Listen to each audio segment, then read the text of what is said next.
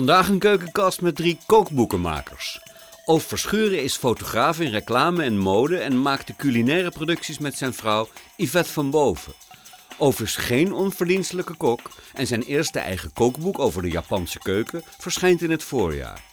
Yvette schrijft de teksten, want Oof is vooral een beelddenker en een beeldenmaker. Marie Maris is chef en groenteboerin. Zij weet haar kennis en recepten in haar boeken prachtig te verwoorden en heeft daar lang niet altijd beeld bij nodig. Maar in haar nieuwste boek, à la minuut, over simpele groentegerechten, staan naast de foodfotografie sfeerbeelden van haar huis en tuin. Geschoten door een wel heel bijzondere fotograaf. Voor Eva Postuma de Boer is het maken van kookboeken ontstaan vanuit schrijven. Het begon met een culinaire column in het Parool en vanuit daar liep het uit de hand. Eva's nieuwste heette De Keukenkastjes. Prachtig vormgegeven boekjes met 25 recepten over één ingrediënt. De eerste delen in de reeks zijn net verschenen en gaan over paddenstoelen, appel en peer. We zetten de kookwekker op 30 minuten en beginnen met deze Kookboekencast. Een speciale aflevering van de Keukenkast over het maken van kookboeken. Welkom Oof. Uh, dankjewel. En Marie. Dankjewel. En Bart, achter de knoppen. Ik ben er niet. We hebben bedacht om voor deze kookboekencast de vaste structuur van onze keukenkast aan te houden. Wat betekent dat we rond borreltijd opnemen en er dus een drankje bij drinken en een hapje bij eten. En zoals altijd beginnen we met de groei en bloei. In dit geval dus de groei en bloei van kookboeken. Daarna praten we over smaakmakers en onmisbare ingrediënten, jawel, van kookboeken. En we delen verschillende tips en wetenswaardigheden. Natuurlijk sluiten we af met recepten, uiteraard uit onze kookboeken. Alles zoals altijd, dus eigenlijk, maar net anders. Groei en bloei. Een kookboek het begint ergens. Of jij bent nu je eerste eigen boek aan het maken. Dat is ergens begonnen. Dat idee is, dat zaadje is ergens geplant. Ja, ik maak met mijn vrouw Yvette uh, van boven al geruime tijd kookboeken, al een jaar of tien. Ik ben er niet. En dat begon heel erg vanuit Yvette, waar ik alleen de fotografie deed. En dat evolueert zich een beetje, dat we dat steeds meer samen doen. Ik bedoel, het zijn wel heel duidelijk haar boeken. Alleen uh, als je samen woont en er altijd mee bezig bent, dan gaat dat een, een, onderdeel van je leven worden. Dus het is eigenlijk ben je er altijd wel mee bezig of je nou een boek aan het maken bent of niet. Ja. Er wordt gewoon altijd toch wel heel veel gefotografeerd. Ja. Als we aan het reizen zijn of op mooie plekken zijn of bijzondere mensen ontmoeten die gave dingen maken. Dus dat loopt eigenlijk altijd door. En al sinds een jaar of tien ben ik mezelf het maken van sushi aan het aanleren. Door heel veel te eten vooral. En, uh, ja, en uh, boeken te lezen. En uh, YouTube is een enorme leerschool daarvoor. En probeer ik me dat een beetje eigen te maken. Dat gaat langzamerhand steeds beter. En op ben je ook in Japan geweest? Ja, twee keer. Mm -hmm. En ik zou er nu ongeveer van terug zijn, maar corona gaat in een klein beetje roet in dat ja. plan. En uh, naar Azië reizen is onmogelijk op dit ja. moment. Zelfs niet met bevriende handelsdelegatiereizen gaat dat niet lukken. En het is misschien ook niet zo verstandig op dit moment. Nee.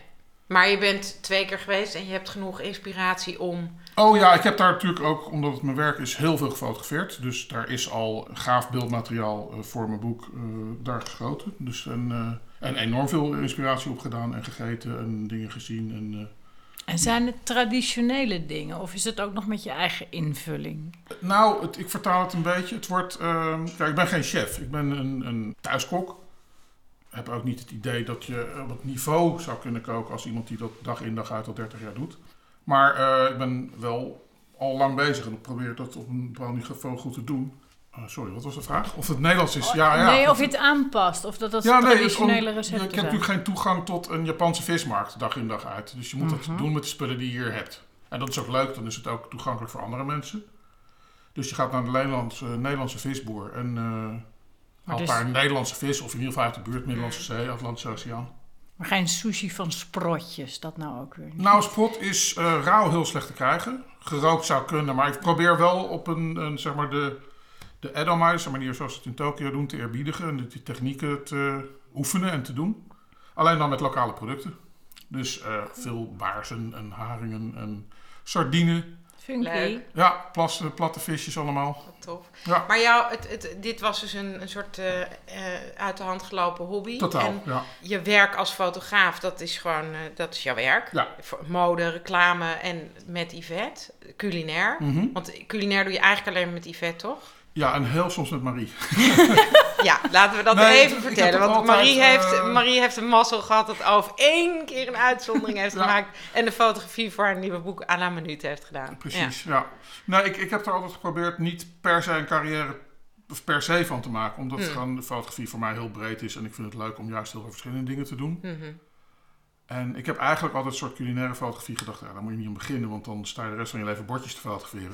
Wat tot op zekere hoogte zo is. Alleen niet als je met iemand samenwoont die kookboeken maakt en daarmee ook reist en, en dat allemaal ontdekt. En dan wordt het qua fotografie ook veel interessanter dan beroepsmatig voor een tijdschrift alleen maar broodjes of broodjes en bordjes te fotograferen. Ja, ja. Maar er kwam dus een moment dat jij dacht, ik wil hier een boek van maken. Ja, en ook wel. eh, het is natuurlijk een visueel heel bijzondere keuken. Het is, Mhm. naast van dat het allemaal fantastisch lekker is, is het ook heel erg mooi om te zien. Mhm. en, en hoe het eruit ziet is ook een groot onderdeel van eh, wat ik er leuk aan vind Mhm. aan, aan Japanse keuken en, en sushi in het bijzonder. Mhm. Als je eenmaal begint met een foutje van te maken, wordt het heel snel echt aantrekkelijk en mooi. En eh, onze lieve uitgever was daar zo enthousiast over. Die had wat gezien. Die zei, ja, we gaan zeker wel een boek maken. En ik had in het begin zoiets van, ja, weet je, ik ben geen chef. Het is zo...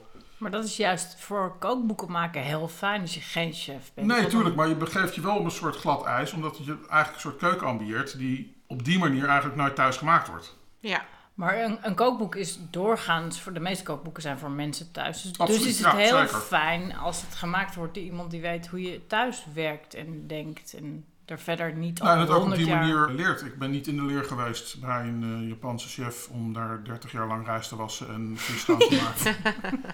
Maar wordt het een, het, het, de, de kiem is dus eigenlijk toch wel weer visueel. Het is Ehm, beeld. Ja, en- en ik is- natuurlijk in beeld. Je bent een beelddenker. ja, ja, absoluut. Alleen het is wel, ik vind het ook ongeveer de lekkerste keuken die ik me kan voorstellen. Dus ik vind het ook fantastisch Ja. om dat mezelf aan te leren. En, eh, de techniek is er een onderdeel van, dat je eh, repetitie en herhaling wel belangrijk daar is. In, de hele Japanse cultuur, maar ook in, in die manier van koken. Of van een beetje... Kijk, het is geen kookboek om je kinderen elke dag te eten te geven. In 10 minuutjes snel iets maken, dat is het niet. Je moet er wel wat voor oefenen, je moet een paar dingen voor aanschaffen. En ehm, Ze technisch. de techniek is een groot onderdeel daarvan, ja. Dat Ja. vind ik ook heel leuk. En ik Ja. denk dat, het, eh, dat ik dat op een visuele manier heel goed kan uitleggen. Ja, Ja. wil niet zeggen dat je het één keer kan, maar door dat vaak te doen kan je zelf heel veel verder komen dan je afhaalsushi. ja, Heel veel verder. ja. Ja. Leuk hoor. Hey Marie, bij jou, eh, eh, het begin van, ik bedoel, je hebt al veel kookboeken gemaakt, maar laten we even je laatste nemen, à la minuut. Wat, waar begon dat mee? Eigenlijk zoals al mijn boeken met waar ik zelf behoefte aan heb. Mhm. En ook wat mensen dan vragen, want ik heb ik geloof meer dan 2500 recepten al in die boeken staan. En dan nog hoor je mensen zeggen, ja, maar als ik dan geen zin heb om te koken, en is met die groenten is dan zoveel gedoe. En dan denk ik, joh, hoe kom je erbij? Mhm. Dus toen ben ik bij gaan houden wat ik dan op dagen dat ik geen zin heb om te koken. Mhm. Maar toch, ik wil altijd iets normaals eten. Mhm. Wat ik dan eet, en dat heb ik bijgehouden. Dus het, dat is in dit geval het basis van het kookboekje. Ja. Dat je wel iets normaals wil, Ja. maar Ja. niet al dat gekook altijd. Maar Nee. soms heb je gewoon trek. Ja. hey, en dan, ehm, Ja, maar en jij? oh, eh, wil ik dan ook weten. Nou, bij mijn, eh, ik, ik ben al een tijdje he- eh, bezig met het denken vanuit het ingrediënt. Dus mijn eh, tweede grote kookboek, Eva's Keukenkast, dat, daarin heb ik ingrediënten centraal gesteld. En per ingrediënt verschillende recepten gegeven. Omdat ik dacht, ik, ik merkte dat ik anders ging koken. Mhm.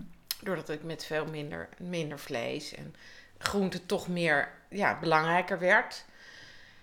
En dan moet je, ja, dan laat je vanzelf het aardappelen, vlees, groente eh, idee los. Halleluja. En, daarvoor. ja, en, en ik merkte gewoon van ja, ik trek dus de groentela open en dan kijk, oh, ik heb nog een halve bloemkool. En dan daar begint het dan mee. Mhm. En, eh, en zo kwam ik op het idee om echt vanuit de ingrediënten, zodat je ja, om, om mensen ook een beetje, zonder dat je heel belerend bent, toch te helpen om op een andere manier te gaan. Makkelijke keuze te maken als Ja. je je, je ijskast opent. Ja. En daarom Dus- maak je nu boekjes. En, nu, en, en, vanuit, ja, en vanuit de eh, Eva's Keukenkast is deze podcast, waar we normaal gesproken dus elke keer één ingrediënt centraal zetten. Wat heel grappig is, want ik weet nog dat een van de eerste afleveringen was volgens mij koolrabi. Mhm. En toen moest iedereen zo lachen van je, gaat toch niet, je kan toch niet een half uur vullen over koolrabi? Nou, we waren echt nog lang niet uitgepraat na een half uur. En nu maak ik dus kleine boekjes, keukenkastjes met elke keer één ingrediënt en dan 25 recepten per boekje. Laten we het hebben over hoe je een kookboek ehm, echt maakt. Dus als je Bereiding. eh, nou, ja, jij weet het natuurlijk. Je, je bent nu nog bezig Mhm, over met ja. het boek, eh, met je eigen boek. Maar je, je hebt natuurlijk met Yvette ook eindeloos gezien. Is er een plan? Bedenk je van tevoren, we gaan zoveel recepten doen. eh, en met wie maak je dat plan? Doe je dat zelf? Heb je dat met de uitgever bedacht? Nee, de uitgever heeft eigenlijk... eh, om een of andere manier is de manier waarop Yvette en ik kookboeken maken eh, altijd heel erg vrij geweest. En dat je eigenlijk... je maakt wel een afspraak waar je het over gaat hebben, Mhm. ongeveer. En dan... Ja, de manier van werken is dat het heel organisch gaat. Dus meestal beginnen we gewoon bij pagina 1. Tenminste, zo is het in het voorgaande boek van Yvette gegaan. Visueel begin je gewoon met pagina 1. En dat is dan een inleiding. En dat is heel handig. Dat heb ik niet gedaan. Dat is heel onhandig. Eh, ja, nee, ik ben eigenlijk inderdaad heel eigenwijs. Ook misschien wel niet zo slim begonnen. eh, door eigenlijk beginnen met eh, foto's te maken. En daar een soort hoofdstukopenaars in te fotograferen per vis. En dan daar diverse, per vis een soort diverse bereidingswijzen te maken. Dus in een voorgerecht. En, of in een salade of in een sashimi of in een nigiri. En dat is niet handig per se voor de structuur van je boek. Maar dat is toch al structuur? Iedere ja, een beetje wel, maar je komt erachter dat je gewoon heel veel moet vertellen. Dus het is toch verstandiger om eerst te gaan schrijven. Of eerst een index te maken dat je opschrijft voor jezelf wat je wil gaan doen. En daardoor eh, leer je ook heel erg snel. ehm, als je het voor jezelf moet gaan opschrijven om het uit te leggen, leer je heel snel hoe je het wil uitleggen. En Ja. daardoor. En dat geeft eigenlijk automatisch structuur in het boek. Ook hoe het er dan, want daar heb ik dan wel ervaring genoeg voor door de boeken van Yvette. Dat je daardoor je beeld moet gaan ver- op voorhand moet gaan verdelen door het boek. Dat je niet dezelfde soort foto's achter elkaar krijgt. Dus als je een soort hoofdstuk opener foto's hebt gemaakt, dat die dan wel door het hele boek doorgaan en niet in de eerste twee hoofdstukken bij elkaar zitten of illustraties of dat soort dingen. Eh, en, ehm, dus een geschreven structuur is toch wel handiger dan een verzameling plaatjes en dan als een soort Ja, mozaïek dat uit elkaar gaan zetten. want als je met Yvette een boek maakt, dan heeft zij dan alle receptuur en zo klaar op het moment dat jij gaat fotograferen? Eh, niet per se dat het boek geschreven is als recept en dan gaan we fotograferen. Dat is hoe je het doet als je een, een fotograaf inhuurt voor Mhm. ja, Ja. het budget wat je hebt en daarmee het aantal dagen dat iemand dat er doorheen eh, moet knallen. Ja, Bij ons gaat het organischer, maar het is wel altijd zo dat Yvette eh receptuur, dat, ja, dat is haar, haar ook, dat dat gewoon schrijft.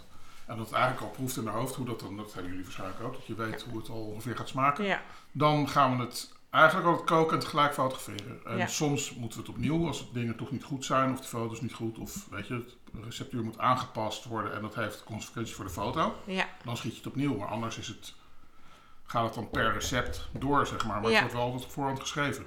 Het is toch wel, Marie, ik weet niet hoe jij erover denkt, maar ik vind het echt jaloersmakend, hè? Zo'n echtpaar, dat met z'n tweeën. Want wat jij net zegt, ik ben dus afhankelijk van een externe fotograaf. En dan krijg je, nou, je krijgt acht dagen om... eh, Dat is al heel veel. en dat is al heel veel. Maar kijk, ik vind het bijvoorbeeld heel erg moeilijk.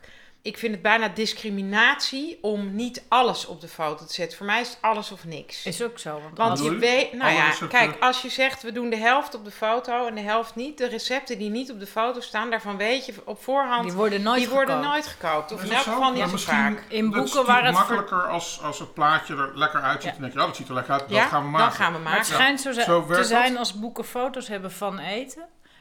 Maar niet van alles. ervaringsdeskundige in, toch? Ja, maar ik doe ze dan helemaal niet. Nee, Marie, heeft. Marie heeft dus, eh, weet ik veel hoeveel boeken al gemaakt zonder plaatje. Nu, de eerste la twee de waren eerste helemaal echt met. zonder. Ja. En dat kan natuurlijk ook. Ja.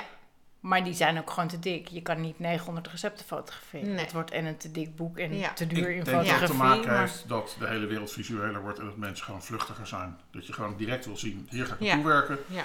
En de schitterende boeken van Elizabeth David, weet je, waar alleen maar tekst in staat en misschien een tekeningetje van een ei. Mhm.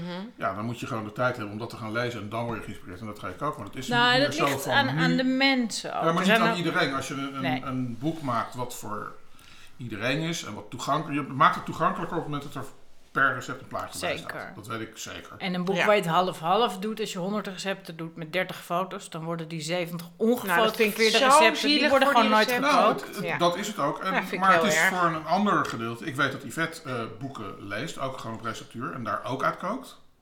Ja, ik Maar vind dat het ook is- en prettig. Jij zal het ook doen. En misschien mensen die bovengemiddeld geïnteresseerd zijn, zeker. En je proeft het ook als je het leest. Ik heb die Als plaatjes het helemaal een niet nodig. maar- gebruiksvoorwerp wordt voor mensen in de keuken, gewoon een gezin die door de week eh, een snelle hap wil maken, gewoon omdat je honger hebt.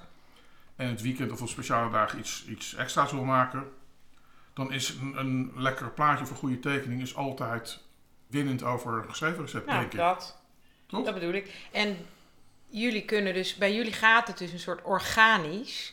Terwijl ja, bij Marie is- en mij moet het gewoon... Dan moeten we ja. misschien even uitleggen aan de mensen hoe Ja, dat dan gaat. Want je, je hebt dus een boek af en dan eh, weet je hoeveel recepten je hebt en dan ga je naar Nou, een boek af, je recepturen af, Ja, je- je? ja. De, de geschreven dingen zijn af en dan ga je daarmee met de uitgever kijken. Nou, Ja. dat moet dus in zoveel dagen, want ze hebben maar zoveel dagen geld. Want dat kost nogal wat in zo'n studio. En de fotograaf is duur, de studio is duur, de stylist die erbij moet De stylist meestal. is dus nodig die de, Ja. hè, bepaalt op wat voor bordje het komt te liggen. Met dus wat meestal voor vorkje. krijg je, nou ja, vijf, jij acht Hmm. dagen of zo. En dan moet je dus tussen de 10 en de 15 recepten per dag moet je dan fotograferen. En dat is echt eten, mensen. Ja, Dus maar de mensen denken nog steeds dat al het eten op de foto Ja, maar dat dacht ik vroeger ook is- altijd. zo. Nee, maar dat was vroeger. Tuurlijk, toen je nog geen digitale fotografie had. En toen je- duurde het uren. dan dus het moest je- uren onder die Precies. lamp kunnen Exact, staan. exact. Je, gaat je, eh, je cameraatje zet je neer en ging dan dus de leven bouwen van dat eten. Ja.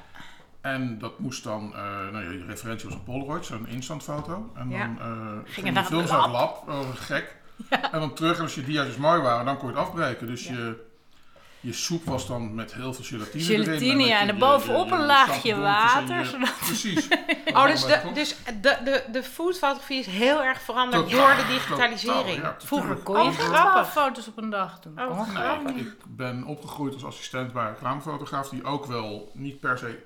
We deden heel veel stilletjes. Ze werkte heel veel in de studio.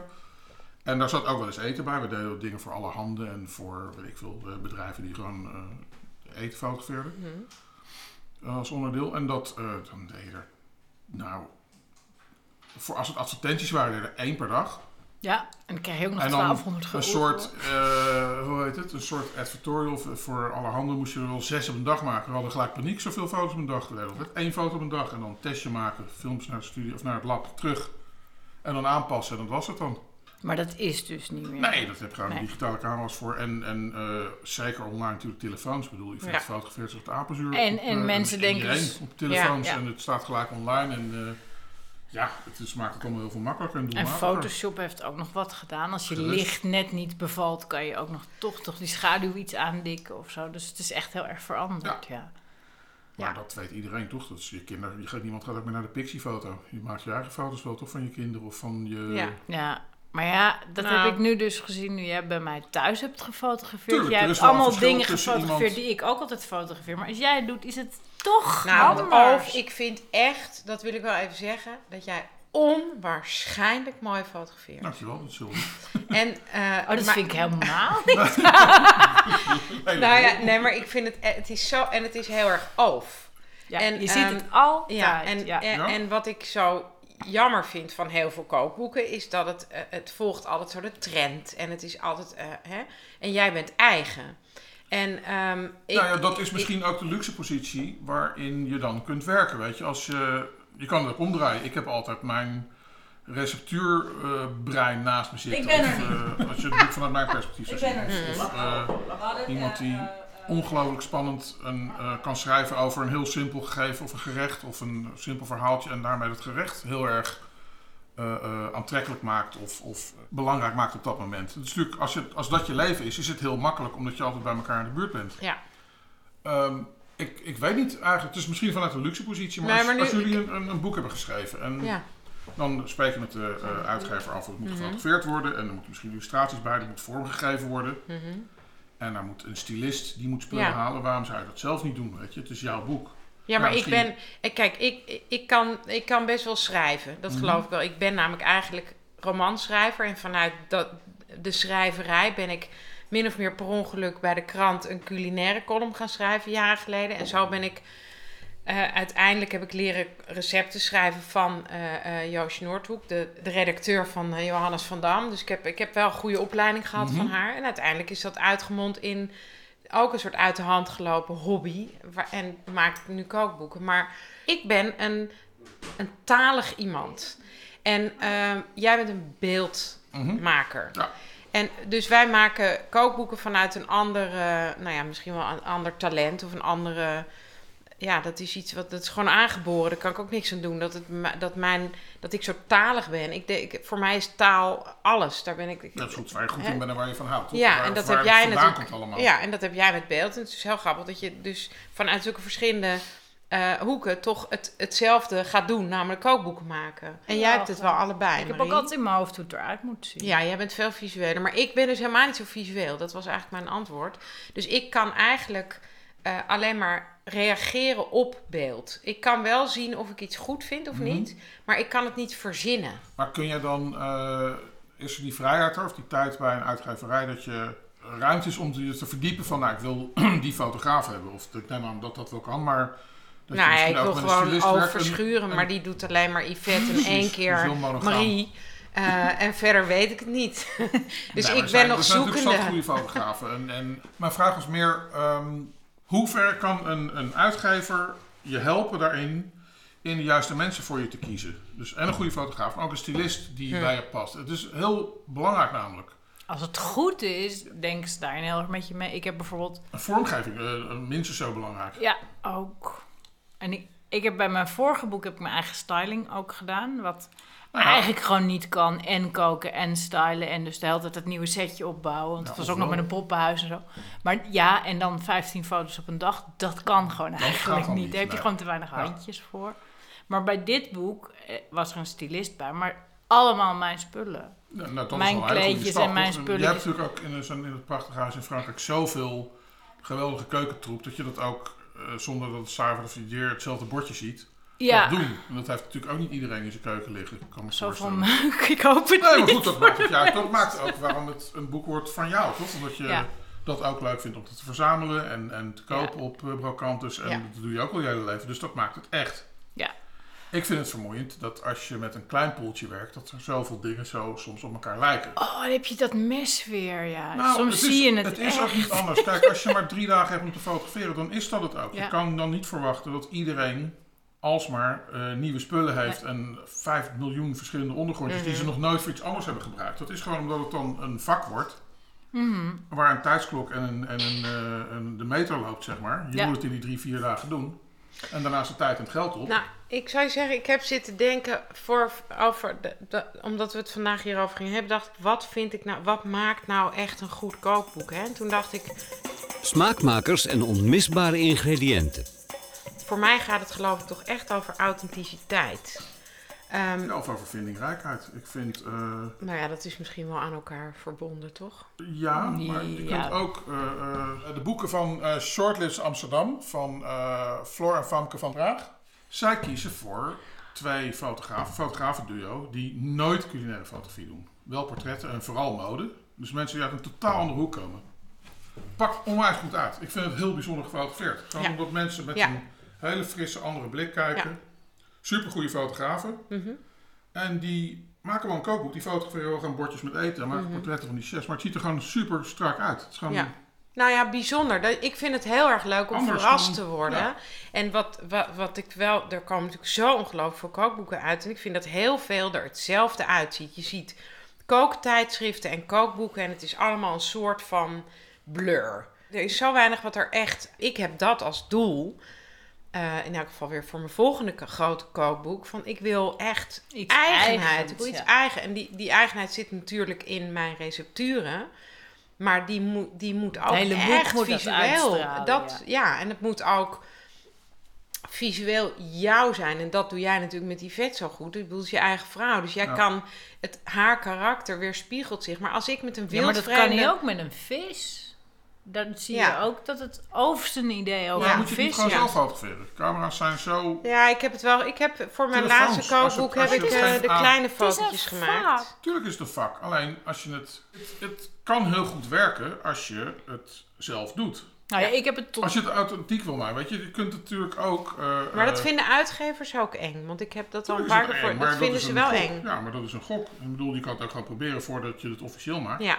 Nee, Marie Pluk de Dag staan ook alleen maar eigen foto's. Ja. En de Ja. foto's die er in de Daar heb Groene ik je Bijbel gewoon drie jaar staan geleden ook. ook over gecomplimenteerd hoe leuk die zijn. Omdat ze zo eigenwijs zijn en niemand het zo doet. Ja. En in sommige gevallen nergens op slaan, maar ze zijn wel van jou. En Ja, dat vind je dan gewoon leuk. Ik- Nou ja, dat, dat is volgens mij het belangrijkste. Je moet gewoon maken wat je zelf leuk vindt en wat je, waar je zelf wat aan zou hebben als boek. En het allerbelangrijkste van een kookboek is dat mensen zin krijgen om te gaan koken. Ja. Zelfs als ze je Ja. recepten niet maken, Ja. als ze het alleen maar doorbladeren en denken: ja, ik ga iets met in overig geval vis doen, of in jouw geval iets met paddenstoelen, omdat je laatste boekje. Dat je dat denkt, daar is een kookboek voor. En Ja. heel veel mensen hebben dan echt al die stappen nodig om er dan iets mee te kunnen. Maar het basisidee is: je moet mensen aan het koken krijgen en laten zien dat dat gewoon. En waarom moeten we is. mensen nou zo nodig aan het koken krijgen? Nee, we moeten het allemaal doen. Iedere dag eten, een paar keer per dag. En heel veel mensen vinden het een moedje. Ja. En oh, dan kom ik thuis en ben ik moe, dan moet ik nog koken. Maar als je nou in plaats van naar mindfulness gaat, gewoon even 20 minuten de tijd Ja. neemt om iets in kleine stukjes te snijden, dan Ja. ben je toch ook gelukkig. En dan heb je gegeten. En gezond. En gezond. Want zelfgemaakt is sowieso gezonder. Ja. Wat ik ook leuk vind om even te bespreken is ehm, het schrijven van recepten. We gaan nog eh, een paar minuutjes door. Eh, want het is toch een speciale uitzending. We zitten nu aan een half uurtje. Maar mensen, we gaan nog heel even door. En aan een cracker. En Oof neemt nog een eh, toastje met uh, makreelmoes. Het recept ge- zetten we, geven we nog of zetten we op, op de Facebook. Bijvoorbeeld, kijk, je kunt als je een recept schrijft, schrijven ehm, één ui gesnipperd. Mhm. Of je schrijft één ui en je schrijft in je bereidingswijze snipper de ui. Mhm. Dat is al een keuze. Waarop baseer je die keuze? Wat doe je? Dus eigenlijk gaat Ik het over schrijf- mise en place of Ik niet, schrijf hè? gesneden. Ik let heel goed op hoe mensen koken thuis. Mhm. En ik heb best vaak kookworkshops gedaan en zo. Ik weet niet hoe gewone mensen koken, want ik sta sinds mijn veertiende in een restaurantkeuken. Dus dan let ik heel goed op als ik dat wel zie. En is me opgevallen dat mensen inderdaad... Die pan staat al te walmen. Die ui moet nog geschild Dan moet je worden. het recept oplezen. En de oven is ook al veel te heet. En dan, dus ze moeten het hele beslag nog gaan maken. En dan denk ik, oké. Dus waar je mee moet beginnen is, als je alles gesneden hebt... Mhm. dan kun je het op elk gewenst moment kun je het in die pan gooien. Ja. Bovendien scheelt het heel veel ruimte binnen je recept. Je moet die stappen van wat de mensen moeten doen... moeten zo kort en helder mogelijk zijn. Ja. Zo, zo Ja, min dat mogelijk... Het kan ook heel liederlijk en leuk zijn. Ja, liederlijk en leuk is goed, maar mensen ook- moeten nooit zich afvragen wat je bedoelt. Nee, nee, het moet wel duidelijk zijn natuurlijk. Liederlijk en leuk is fijn. Maar Ja. nooit als het afleidt van wat ze moeten doen. Als ze kunnen nadenken van... Maar bedoelt ze nou dat ik hem in kwarten moet snijden... of gewoon die halve ui erin gooien? Dan gaat het niet goed, dan maak je paniek. Ja. Bijna iedereen leest niet goed. Nee. En volgens mij is dat de meest gemaakte fout bij koken uit een kookboek. Ja. Dat mensen niet goed lezen. Dus je, je moet dus eerst even de ingrediëntenlijst lezen en zien... En ah, het ik hele moet dan een recept. ui hebben gesnipperd. nee, je moet het hele moet je recept lezen hele tot recept- het eind. Ja, precies. Je moet het Ja, helemaal het is lezen. heel leuk als je dan ziet, halverwege het recept, dat je iets twee dagen van tevoren moet voorbereiden. Ja, nou dat schrijf ik er altijd boven. Als je iets moet marineren of zo, moet je het er boven Precies. schrijven. Ja. Voordat ze beginnen. Ja, maar dan denk ik, oké, dus je neemt de moeite, je pakt een kookboek erbij, je neemt de moeite om, hè, je hebt de boodschappen gaan. hè. Waarom neem je dan niet de moite om even goed te lezen? Want mensen gaan gewoon daar de mist mee in. Het en- is zo oh, jammer. die slagroom had daarna erop. Oh. Ja. En dan gaan ze vervolgens ook nog klagen dat het recept niet helemaal gelukt Ja, is. Dat ja, vind ik dan ja, een ja, beetje ja. jammer. Ja. Maar dat gaat bij jouw recepten gaat dat heel goed. Want die zijn heel overzichtelijk, denk ik. Qua, dat zijn hele heldere stappen. Ja, niet, niet helderder of dan andere recepten. Er zit natuurlijk ook heel veel eh, voorbereiding bij. Of Ja, dat maar- is niet wat je bedoelt. Ja, jawel, maar dat kan je niet echt door elkaar kloten. Dat je het Nee, eiwit het is stijf precies- had het moeten is, slaan. Precies, en- het is, niet, het is een ander soort keuken dan eh, een eh, Italiaanse keuken. In principe is het hetzelfde omdat je een moet proberen. Het, het belangrijkste is dat je gewoon hele goede vis krijgt. Het liefst zo vers mogelijk. Je hoeft het alleen niet zo vers mogelijk te eten, maar je moet hem zo vers mogelijk binnenkrijgen. En dan kun je hem schoonmaken, prepareren en hem dan in veel gevallen dagen bewaren. Alleen dat moet dan wel onder een, eh, in een hele schone ijskast. Dus het is niet dat de vis vers gegeten moet worden, maar je moet hem wel vers hebben, zeg maar, voorbereiding. En eh, het is niet heel erg een keuken waar je een beetje van dit en een beetje van dat doet. Het is wel precies. Het ligt tegen het bakken aan, zeg maar. Tegen een soort patisserie-achtige precisie af en toe. Ja, dat lijkt me ook, ja. Ja, het is nogal eh, een subtiele keuken, zeg maar. Dus je Ja. moet een, een, Ja. een beetje aanrommelen. Werkt niet zo goed in dit geval. Nee. Plus omdat je met rauw eten werkt, dus moet je ook wel precies aan een bepaalde manier. Ja, ja. Anders maak je elkaar allemaal eh, Ja. niet, word je misselijk. Oké, dus in dit geval is het, wijst het zichzelf een beetje, hoe je het opschrijft. Ge- gewoon gedwongen door de omstandigheden van sushi. Ja, je moet het wel duidelijk opschrijven inderdaad. En er zijn echt wel heel veel technieken die je kunt leren. Ik doe dat ook heel erg met beeld, omdat het vaak gewoon heel erg visueel... eh, Ga je echt stapjes ja, fotograferen? ja. Om, het, om mensen het, eh, te enthousiasmeren, denk ik dat het belangrijk is. Ja, Het heel zo leuk. makkelijk, maar het is al moeilijk genoeg. Dus als je Mm. de moeite gaat nemen om daar in te oefenen en daar eh, eh, toffe dingen mee te maken, Ja. dan moet je het gewoon zo duidelijk mogelijk Ja, uitleggen. Niet dat je je publiek onderschat, helemaal niet. Maar Nee. weet je, het, het is soms zo precies dat je het gewoon moet laten zien. Ja. Ik denk dat dat het beste werkt. Ik vind het zelf het heel leuk om die stripfiguurtjes te zetten, die strippagina's te zien. Ja, is het ook. Maar ik, ik vind denk ik het moeilijkste aan kookboeken maken... het inschatten van het niveau van je lezer. Ja, dat varieert natuurlijk. Er zijn mensen Ja. die elke dag altijd koken omdat ze het fantastisch vinden of Mhm. omdat het niet anders kan. Mhm. En er zijn mensen die het doen als hobby, eh, één keer per jaar voor een verjaardag Mhm. of voor een, omdat ze een weekend vrij Maar schrijf jij met een doelgroep in je hoofd? Of Nee, denk je nou gewoon vanuit ja. jezelf? Ik, vanuit mezelf, ik probeer het zelf zo goed mogelijk te doen. En dus de doelgroep zijn wel mensen die daar de tijd voor gaan nemen. Weet je, en ik denk dat, dat, dat het hartstikke gaaf is om te doen. En ik denk dat, dat ook heel veel mensen het hartstikke leuk vinden om te doen. Maar nogmaals, het is geen eh, een 30 minuten boek, weet je, van even snel wat maken. Dat is Nee. het gewoon niet. Het is bewerkelijk, maar het is wel fantastisch. En ik denk dat je een hele geweldige avond hebt. Maar heerlijk, want ik ben ook zo... Wat ik zo jammer vind, is dat er om koken heen een soort van... Het moet altijd snel. Terwijl dat ik is, vind... Dat is Het is een ongelooflijk leuke eh, besteding van je tijd. Ja. En waarom zou je niet gewoon heerlijk een middag in de keuken gaan Dat is staan? heel fijn, ja. Fantastisch. Nou ja, wij hebben allebei een menuboek gedaan. Dat doe je Ja. ook omdat je, Ja, je... je bewijst je liefde voor iemand. Omdat je Ja. je uitslooft door voor ze in de Precies, keuken dat is toch het leukste Ja. wat er is om voor Ja. andere mensen, voor Ja. lieve mensen iets lekkers te maken. Dat Ja. is hartstikke leuk. ja. Nou, wij gaan zo meteen ook, als, de- als we klaar zijn en die eh, microfoons gaan uit, dan gaan wij enorm eten. Doei. Ja. Ik wilde nog wat weten over hoe we aan ideeën voor recepten komen. Of, nou ja, ja, in jouw geval, je kookt niet alleen maar sushi. Nee, het, mijn boek gaat over Japanse keuken en vooral sushi. Nee, ik kook ook gewoon pasta en Ja. aardappels en natuurlijk. Maar Want wie, wie kookt er bij jullie thuis? degene die het minst, eh, het minst druk heeft vaak. Op de Eh, dag. Ja, en heel vaak eh, kookt hij vet, omdat het, ze heeft naast kookboeken ook gewoon ander culinair werk. Ja. Voor de krant en voor Libelle en Delicious. En Het moet gewoon gegeten er moet worden. gewoon nog heel veel gekookt worden. Dus, eh, ja, want dat, daar hebben we het nog niet eens over gehad, vet- over het testkoken. Nou ja, dat is, eh, dan, als dat altijd doorloopt, is dat ook een, een substantieel onderdeel van je leven. Dus Ja. dat, Yvette kookt zeker driekwart van de tijd. Ja. Gewoon omdat ze moet Omdat testen. het gewoon, ja, precies. Ja. En dat eet je dan ook op, want waarom zou je het wegmikken? Nee, dat en, is ook zo. eh, en soms is het inderdaad een beetje knokken wie er mag koken. Want ook omdat het leuk is, we vinden het allebei heel erg leuk. En, eh, en nu eh, drinkt mijn boek zich aan, dus ik, er wordt heel veel vis gegeten de komende maanden nog. en eh, nou, er wordt wel echt altijd veel gekookt. Maar en hoe kom je aan je ideeën voor een recept, was de eigenlijke vraag. De eigenlijke vraag is eh, vaak dingen die ik gegeten heb bij een goede sushi bar. Ja, is het een, Dat wil ik ook kunnen. nou, het is, je werkt heel vaak met een, een scala aan ingrediënten die vast liggen. Je eet het altijd met rijst. En die rijst kun je natuurlijk ook op heel veel verschillende manieren maken. Maar er is wel een soort... Het is ook een beetje een soort golf, weet je. Je moet proberen een paar dingen goed constant te houden om andere dingen te veranderen. Anders weet je echt niet meer wat je doet. Omdat het om die kleine verschillen gaat die best wel veel uitmaken. Ja. Het is wel gaaf om dezelfde vis op andere manieren te doen. Dus de ene keer doe je hem helemaal rauw, de andere keer marineer je hem. Of je maakt hem eerst, weet je, eh, haal je het vocht eruit door hem te zouten en te drogen. En dan eh, in azijn of een ander zuur te marineren. Of in miso of in een ander eh, iets En- wat de fermentatie een beetje op gang zet. Waardoor die wat meer smaak krijgt. verhitten.